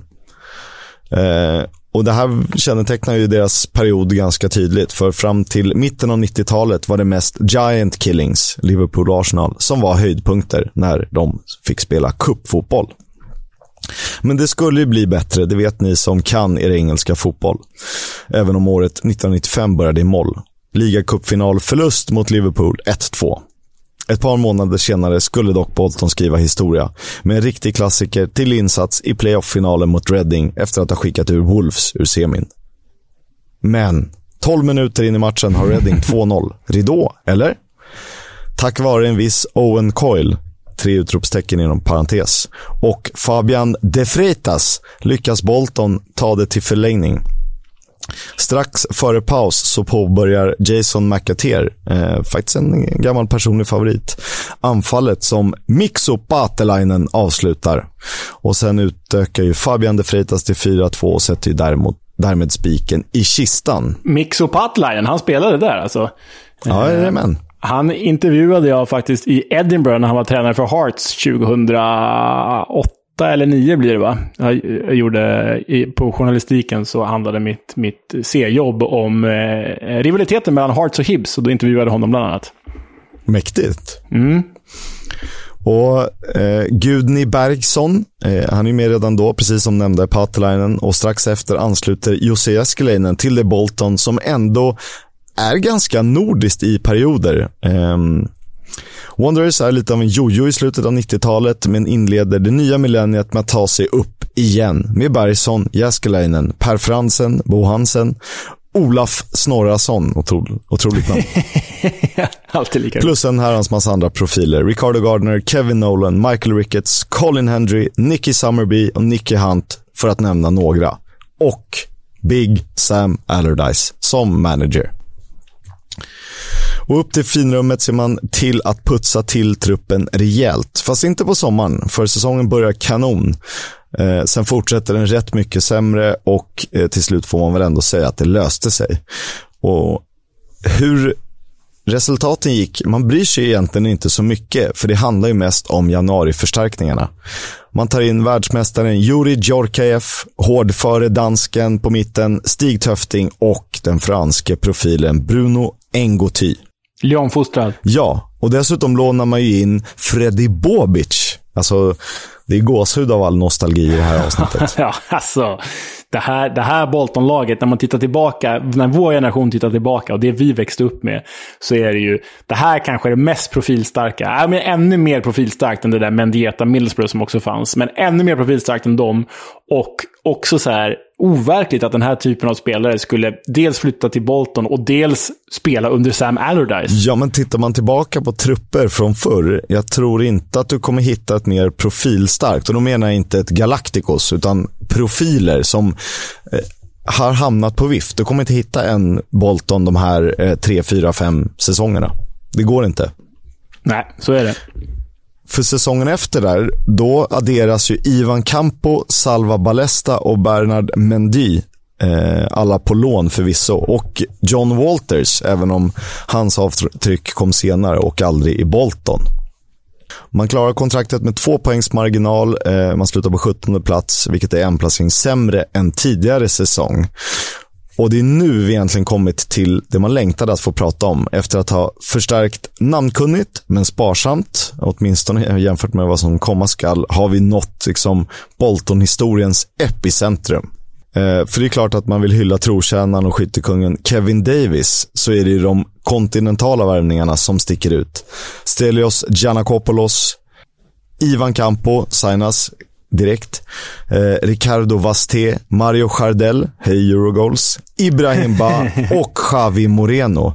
Och för att vara Bolton är det ju fortfarande wow. Och de löser ju faktiskt en åttonde plats 2004 och spelar dessutom ligacupfinal med ett lag som har Jääskeläinen i mål, eh, Campo, JJ och Kocha har vi ju inte ens nämnt hittills och Kevin Nolan på mittfältet. Jorka F som kreatör. Och Kevin Davis på topp för Esten. Återigen, wow. Eh, men det slutar inte riktigt där, för den här transfersagan, det är som att jag bara rabblar namn, men det är det enda man behöver göra. Det är det enda man behöver göra. Bara kort passus där. Alltså JJ och Kocha under sin prime i Bolton, det var ju liksom, förutom Bergkamp, den mest underhållande spelaren att kolla på i Premier League den här perioden. Vilken, vilken spelare. So good they named him twice.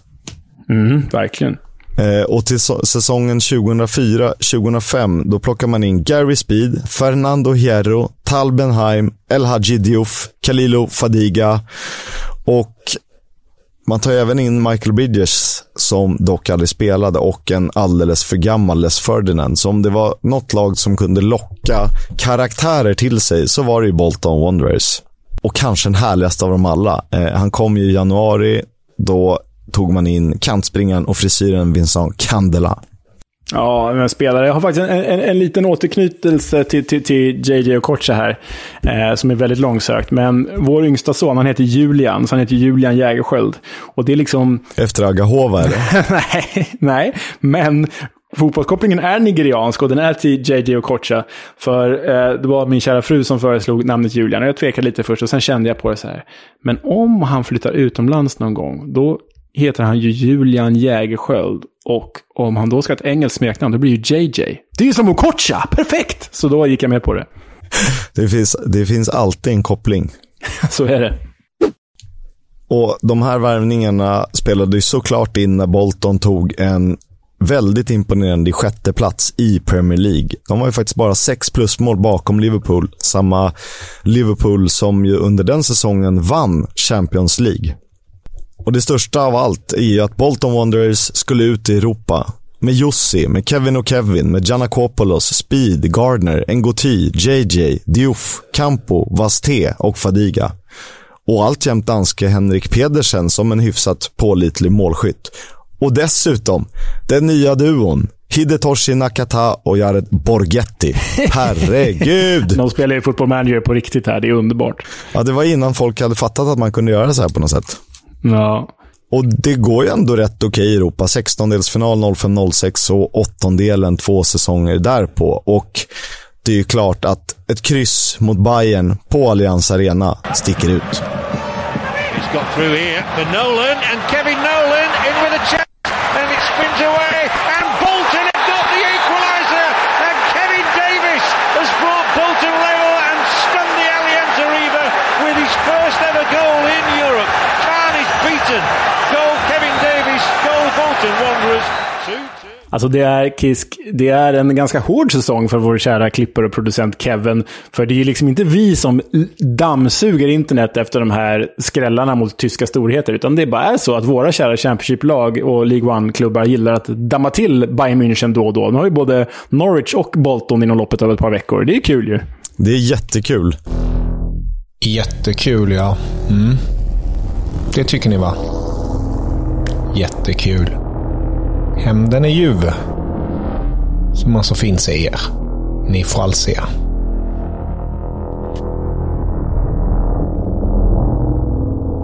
Eh, ingen glädje varar dock för evigt, för även om Bolton gör ett par godkända säsonger i Premier League, eh, Nicolas Anelka ska ju in eh, förr eller senare. De har Owen Coyle vid rodret, samma Owen, Owen Coyle som var med och räddade dem en gång i tiden. Eh, och Johan Elmander på topp. Så gick det ju ut för. Ner i Championship, ner i League One, upp i Championship, ner i League One.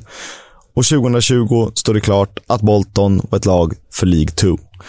Det är ju delvis på grund av de finansiella problem man eh, gått igenom. För 2019 tvingades man ställa in, och inte skjuta upp, utan ställa in en match mot Brentford. Eh, och Det var ju även ytterligare en match. Eh, det var på grund av obetalda löner och krav från IFL samt PFA. Och Det kanske inte bara är en persons fel, men det är samtidigt lätt att peka på Ken Anderson som delvis satte Bolton i den prekära situationen. Efter nionde platsen i League One förra säsongen blickar man nu uppåt igen och ser ut att ha ett lag som ska kunna utmana om playoff-platserna. Bolton ligger i Greater Manchester i nordväst och har faktiskt länge tillhört Lancashire, men eh, Greater Manchester är det som gäller. Och det brukar ju sägas att Wanderers egentliga rivaler är Bury, mest på grund av närheten mellan städerna. Men eh, lagen har inte mötts särskilt ofta och egentligen är det väl Blackburn och Wigan som ses som de stora antagonisterna, även om Manchester United nämns. Men jag tror att få på Old Trafford bryr sig så mycket om hur det går för Bolton. Enligt en hyfsat modern studie, den är från år 2021, är rivaliteten mellan Bolton och Wigan den mest jämna med nästan identiska siffror mellan klubbarna. Så där har vi någonting att gå på. Och jag tycker att vi rundar av det hela med en härlig hyllning till det Bolton som tog sig upp ur League 2 för inte så länge sedan. We had no squad, we had no money. The other fans thought it was funny. We played the kids, they tried and tried. They showed their passion and they played with pride. We're Bolton Wanderers from Lancashire. No one likes us, but we don't care. We've been promoted from League Two. Let's have a party, a ding dong do. Den sätter sig lite på hjärnan, sången till Wanderers, eller Trotters, om man så vill. Ja, den gör ju det. Och det är en sån jäkla nostalgitripp här. Jag vet inte vilka du gillade mest, Chris. Det var väl Candela, uppenbarligen. Då. Eh, för egen del, när jag tittar tillbaka och när man växte upp med det här Bolton så var det ju liksom JJ Okocha, Ivan Campo och Eh, framförallt de två, men även Stelios Giannakopoulos, eller Giannakopoulos, är jag extremt svag för. Men jag minns också att jag var så jäkla tagen av de här tre extremt intressanta nykomlingarna som gick upp samtidigt där 2001 var det va? Alltså Bolton gick ju upp med Blackburn och Fulham. samtidigt i Premier League. Eh, och alla tre höll sig kvar. Och jag vet inte om det har hänt igen sen dess, att alla tre hållit sig kvar. Nej, det här borde man ju kunna, men det låter ju inte som att det hör till vanligheterna direkt. Nej, och jäkla profilstarkt då med liksom Allardyces Bolton och så Tiganas Fulham och vem som nu tränade Blackburn då, kommer jag inte ihåg. Men, men jäkla trio som kommer uppehålla sig kvar. Det gillar man ju. Och det är ju det är roliga värvningar, för antingen tar de från den högsta hyllan med spelare som har för länge sedan passerat den högsta hyllan och tillhör lägre regioner. Ja, men jag tänker på en Fernando Hierro. Alltså som namn, mm. wow. Men så tar de ju liksom en Salva Ballesta som vann skytteligan i La Liga var det väl 99-00 kanske? Något sånt ja. Man kommer ihåg honom från typ man läste Goal på den tiden. Ah, ja, det var så ja. man fick sina, sin information. Idag högerextrem eh, politiker i Spanien, Salva Ballesta. Yes, han är supernationalist och frankofil. Och då pratar vi inte om landet Frankrike, Diktatorn utan då pratar Franco. vi om ja, spanjoren Franco. Ja, men tack för det Kisk. Bolton och Salva Ballesta-minnen, det, det uppskattas. Kanske inte just Salva Ballesta, men de andra. Det är lite synd att man inte, det är klart vi hinner, vi har ju lång tid vi vill, det är ju bara upp till oss. Men man skulle vilja prata ännu mer om eh, sportcheferiet bakom det här och hur det gick till. För det är ju, blir någon slags catch-up-effekt. Eh, vi vet ju vilka som var först, men att folk bara, uff, schysst. Jag kan bo i Bolton ett par år och bli ikon där uppe. Ja, men det är ju lite så. Du vet, när man lyckats få en typ och Kocha, då kanske Hierro tänker så ja men det är okej, då kan jag komma. Och Ivan Campo, ja men vi känner varandra, då kan jag komma. Och Nakata, kolla, men fan, här är ju några gamla världsspelare och York F är där också, då kan jag också komma.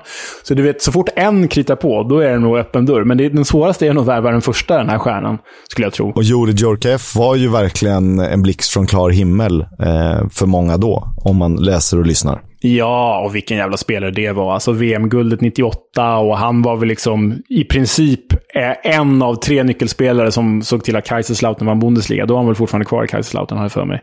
Och så del av ganska dåligt Inter, men ändå en härlig spelare i ett dåligt Inter. Nej, det var en jävla stor spelare. För stor för Bolton om man får säga så. Och efter alla svängar som det franska landslaget haft så eh, kan man ju ändå tycka väldigt mycket om liksom ett EM 96-gäng med Djorkaeff och Dugari och Bernard Lama och så vidare. Ja, ja. Absolut. We'll have a chat about the fucking game. About your game, last few months, last few weeks. Fucking character. Charlie Austin är tyvärr inte kvar i The Championship eller League One. Eh, han drog ju till Australien. Eh, och det är ju sällan vi har spelare med som veckans Warnock, men jag tycker hans eh, rant i omklädningsrummet efter att Brisbane Roars släppt in två mål i första halvlek mot Melbourne, Melbourne Victory är Ja, det är ju... han är jättearg och han har inte själv gjort några mål så att hans counterpart har ju helt rätt i sak. Men ni får lyssna på en eh, väldigt arg Chas.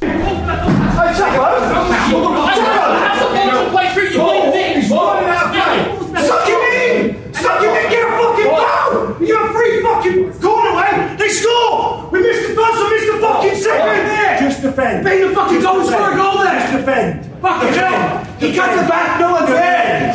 You're fucking right. Just defend. Yes, no, no, no, fucking defend on there. Just defend. Just fucking finish it there. It's not hard, just fucking defend. Ja, alltså man gillar ju man gillar ju den eh, gamle gode Chas ännu mer än han är arg. Jag har inte sett honom arg särskilt ofta om jag ska vara ärlig. Han har ofta känts som en ganska glad gamäng, den där Chas. Lite, lite så publikfrieri i sin, i sin uh, anf inte, kanske inte sin anfallsstil, för det var han inte, men, men i sitt sätt att vara gentemot publiken. Så att se honom så här arg, det gläder mig ändå. Det gör det. Eh, det kan, eh, lite uppfriskande med eh en anfallare som tycker att en försvarare borde eh, försvara och en försvarare som tycker att en anfallare borde göra mål. För så enkelt kan det vara ibland. Verkligen. Ja, men det var väl allt för idag. Eh, tack till Stryktipset och O'Learys som är med oss som samarbetspartners. Välkomna in i värmen, nickes.com. Jag hoppas att vår Blackburn-tripp blir så bra som den kan, för då kan den bli helt det är klart fantastisk. Och glöm inte att ni kan nominera oss till Guldpodden om ni vill. Om ni gillar oss. Förstås. Vi säger eh, trevligt veckoslut. Hej, hej. Upptäckta vägar, de han tar.